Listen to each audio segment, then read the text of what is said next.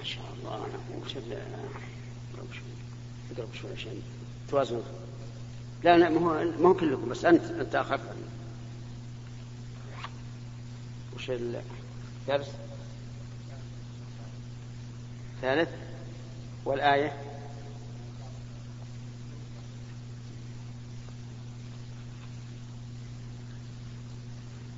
بسم الله الرحمن الرحيم. الحمد لله رب العالمين. وصلى الله وسلم على نبينا محمد وعلى آله وأصحابه ومن تبعهم بإحسان إلى يوم الدين. افتح الباب.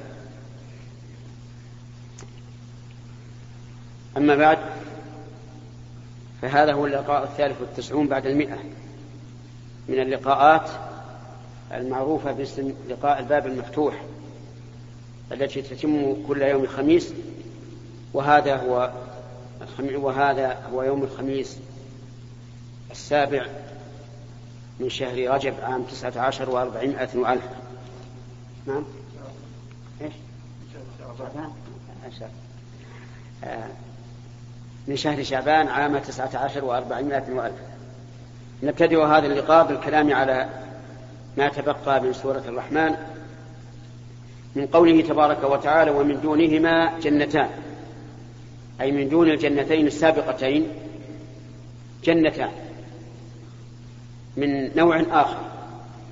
وقد جاء ذلك مبينا في السنة حيث قال النبي صلى الله عليه وسلم جنتان من ذهب آنيتهما وما فيهما وجنتان من فضة آنيتهما وما فيهما. والآية صريحة في أن هاتين الجنتين دون الأوليان ومن دونهما جنتان. فبأي آلاء ربكما تكذبان؟ مدهامتان أي سوداوان من كثرة الأشجار. فبأي آلاء ربكما تكذبان؟ فيهما عينان نضاختان أي تنضخ بالماء أي تنبع وفي الجنتين السابقتين قال فيهما عينان تجريان. والجري أكمل من النبع لأن النبع لا يزال في مكانه لكنه لا ينضح أما الذي يجري فإنه يسيح فهو أعلى وأكمل. فيهما عينان نضاختان فبأي آلاء ربكما تكذبان؟ فيهما فاكهة ونخل ورمان. وهناك يقول فيهما من كل فاكهة زوجان. أما هذا فقال فيهما فاكهة ونخل ورمان. والنخل والرمان معروفان في الدنيا ولكن يجب أن تعلموا أنه لا يستوي هذا وهذا. الاسم واحد والمسمى يختلف اختلافا كثيرا ودليل ذلك قوله تعالى فلا تعلم نفس ما أخفي لهم من قرة أعين جزاء بما كانوا يعملون. ولو كنا نعم ولو, ولو كان النخل والرمان في الجنة كالنخل والرمان في الدنيا لكنا نعلم لكننا لا نعلم. فالاسم إذن الاسم واحد ولكن الحقيقة مختلفة. ولهذا قال ابن عباس رضي الله عنهما ليس في الجنة مما في الدنيا إلا الأسمى فقط. فيهما فاكهة ونخل ورمان فبأي آلاء ربكما تكذبان؟ فيهن خيرات الحساب. فيهن بالأول قال فيهما. هل هناك فرق؟ السؤال من طلاب العلم؟ هل هناك فرق؟ نعم. الأول مثنى فيهما اثنين. وهذا فيهن جمع. كيف قال فيهن؟ وقال قبل ذلك فيهما لأن هذا الجمع يعود على الجنان الأربع كلها. ففي الجنان الأربع قاصرات الطرف. كما سبق وفي الجنان الأربع خيرات الحسان. فيهن أي في الجنان الأربع خيرات حسان. خيرات في الأخلاق. أخلاق طيبة. حسان الوجوه والهيكل. فالأول حسن الباطن وهذا حسن الظاهر. فيهن خيرات الحسان فبأي آلاء ربكما تكذبان؟ حور. مقصورات في الخيام. الحوراء هي الجميلة التي جملت في جميع خلقها وبالأخص العين شديدة البياض شديدة السواد واسعة مستديرة من أحسن ما يكون. حور مقصورات أي مخبآت في الخيام جمع خيمة والخيمة معروفة تعرفها؟ الخيمة معروفة. هي بناء له عمود وأروقة لكن الخيمة في الدنيا ليست كالخيمة في الآخرة. آه، في الخيمة في الآخرة ليست كالخيمة في الدنيا. خيمة من لؤلؤ طولها في السماء مرتفع جدا. ويرى من في باطنها من ظاهرها ولا تسأل عن حسنها وجمالها. هؤلاء الحور مقصورات مخبآت في هذه الخيام على أكمل ما يكون من الدلال والتنعيم.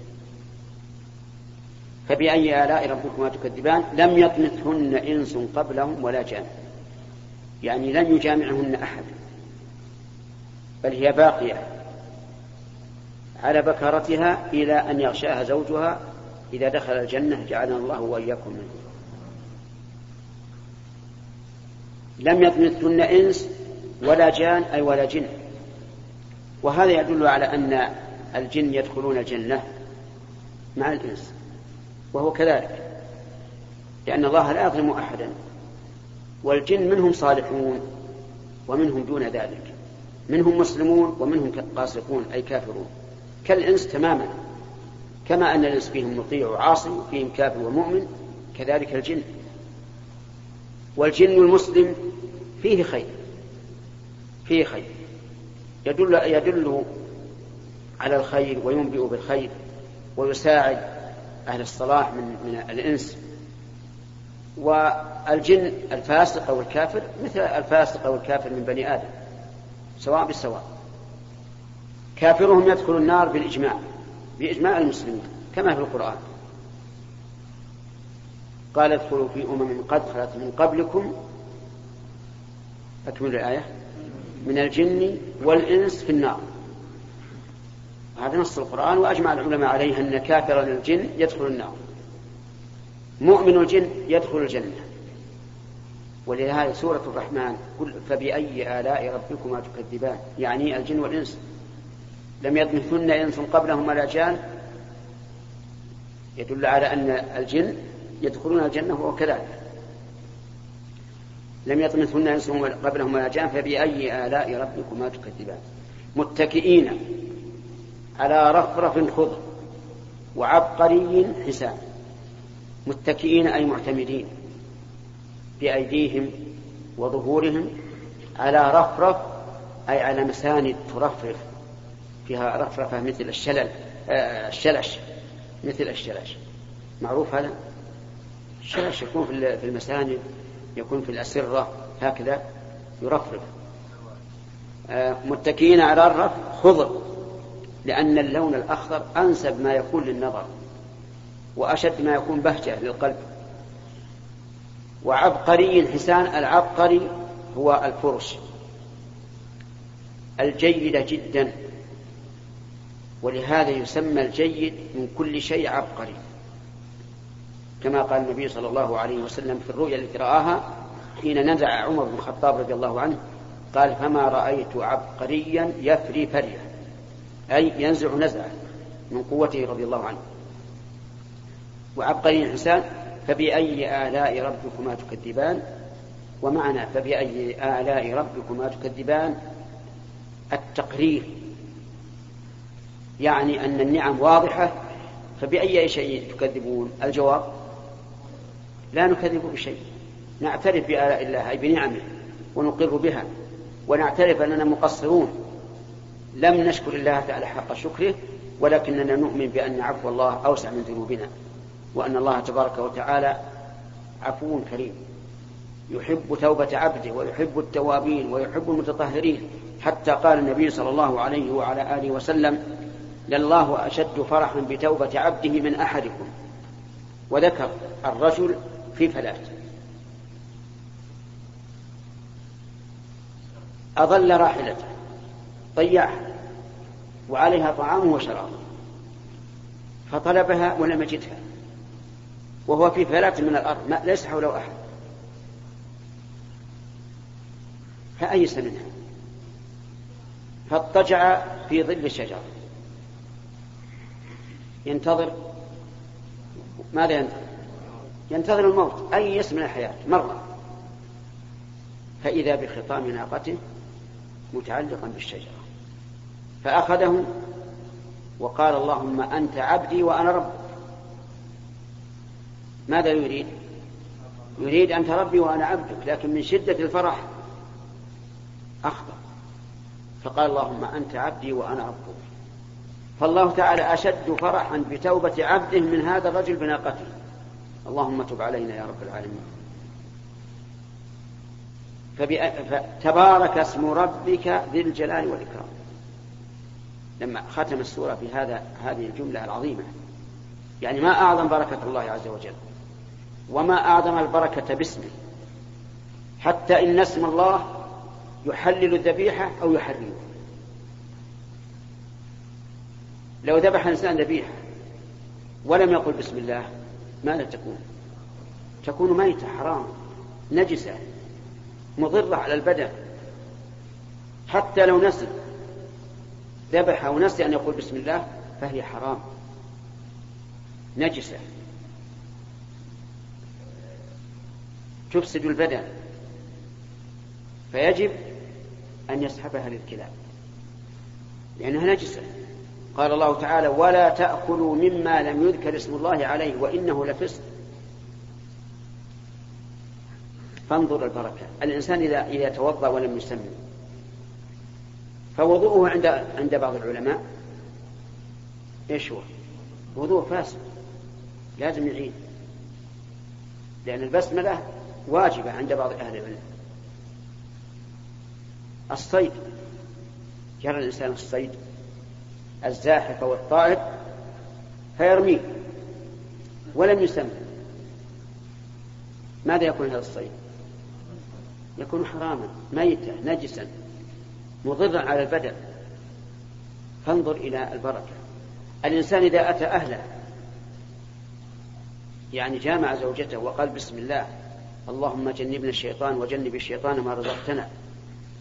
كان هذا حماية لهذا الولد الذي ينشأ من هذا الجماع حماية له من الشيطان. قال النبي صلى الله عليه وسلم لو أن أحدكم إذا أتى أهله قال بسم الله اللهم جنبنا الشيطان وجنب الشيطان ما رزقتنا فإنه إن يقدر بينهما ولد لم يضره الشيطان أبدا. الإنسان يسعى يمينا وشمالا لحماية ولده ويخسر الدراهم الكثيرة. وهنا هذا الدواء من الرسول عليه الصلاة والسلام. غالي ولا رخيص؟ نعم. رخيص من حيث العمل. سهل. هذا يحميه من الشيطان أبدا. بسم الله اللهم جنبنا الشيطان وجنب الشيطان ما رزقتنا. كل هذا دليل على إيش؟ على بركة اسم الله عز وجل. ولهذا قال تبارك اسم ربك ذي الجلال والإكرام أي ذي العظمة والإكرام. هل الإكرام يعني هو يكرم ولا هو يكرم؟ كلها فهو يكرم ويحترم ويعظم عز وجل وهو أيضا يكرم. قال الله تعالى في أصحاب الجنة اللهم اجعلنا منهم. قال أولئك في جنات مكرمون. فهو ذو الجلال والإكرام. يكرم من يستحق الإكرام وهو يكرمه عز وجل. عباده الصالحين جعلنا الله وإياكم منهم بمنه وكرمه. وإلى هنا تنتهي قراءتنا في التفسير وبه تنتهي سورة الرحمن. فنبدأ الآن بالأسئلة باليمين السؤال واحد. بسم الله الرحمن الرحيم. فضيلة الشيخ فيما يتعلق ببعض الوسائل التربوية تقوم بعض المؤسسات الإعلامية بإنتاج أفلام فيديو كرتونية هادفة بلباس إسلامي تحكي بعض قصص الفاتحين ومشاهير الإسلام. وقد بان أثرها جليا من إقبال الناس عليها وتعلق الصغار بها. فهل يرى فضيلة الشيخ أن نعتبر هذه الوسائل بديلا جزئيا لما يبثه الإعلام من زخم وما يعقبه من فساد الدين والفضيلة نعم بسم الله لا شك أن هذه الأفلام التي خرجت آه، أن فيها فائدة ومصلحة من وجه وفيها كف مفسدة. من ما ينشر في الإعلام الذي يريد به ناشروه هدم الأخلاق والعقيدة. لعلكم تدركون معنى قول هدم الأخلاق. لأن كثيرا من الذين يشاهدون ما يبث ولا سيما في الدشوش فسدت أخلاقهم وحطت يعني في أناس متخرجون من كليات شرعية. ملتزمون. ابتلوا بمشاهدة هذه الأفلام فانسلخت أخلاقهم. مسحا كاملا والعياذ بالله. وصاروا إلى حد لا أحب أن أتكلم ما أسمع. وهذا واضح. لكن كيف تكون هدما للعقيدة؟ الإيمان بالله عز وجل. نعم. لأن الإنسان إذا مال إلى الشهوات وتعلق بالشهوات المحرمة فإن ذلك يسلخ عقيدته. ويكون هم يقظان ونائم هو هذه الشهوات. فتنسلخ العقيدة وتذهب والعياذ بالله. القلب إناء إناء. الإناء إذا ملأته بماء هل يمكن أن أن تزيده لبنا؟ جيبوا جماعة. ليش؟ لو صببت عليه لبنا؟ تنافى. فهو إناء إن ملأته بالخير امتنع الشر. إن ملأته بالشر امتنع الخير. فهذه الأفلام التي سأل عنها أخونا لا شك أنها مفيدة. لكن بقي أن هذه الأفلام الذي اصطنعها ليس عنده علم بما وراء المظهر. فمثلا نسمع أنه يعرض فيها محمد الفاتح. الصبي إذا صار يشاهد هذا الفيلم لا تفكر أنه يتصور أن أحدا من أبطال الإسلام أعظم من من من محمد الفاتح. ويظن أن محمد الفاتح بطل هو بطل الإسلام الواحد. وهذه مشكلة. وإن عرض خالد بن الوليد وأشباهه من أبطال الصحابة فهي مشكلة أيضا. لأن الصحابة لا نرى جواز تمثيلهم أبدا. فهي مشكلة. لكن لو عرض لو عرض في هذه الأفلام يعني معارك بين الإسلام وأعدائهم بين المسلمين وأعدائهم دون التنصيص على شخص معين حتى لا تتعلق به النفوس لكان خيرا. حتى لو هذه الأفلام لو لم تكن على هذا الوضع وكانت على عرض ما يشاهد في الكون من الكواكب والنجوم والشمس والقمر وما يشاهد في الأرض من الأنهار وغيرها فهذا أيضا طيب. ولو عرض أيضا ما شوهد في الأسبوع قبل في, في الأسبوع الماضي من الشهب الكبيرة اللي انتشرت وأظنكم راجموها. لو تحدثنا عنها أنت رأيتها؟ أنا رأيتها طيب حدثنا عنها. يعني ورد عن بعض الإخوان أنه موسى هو يرفع عنه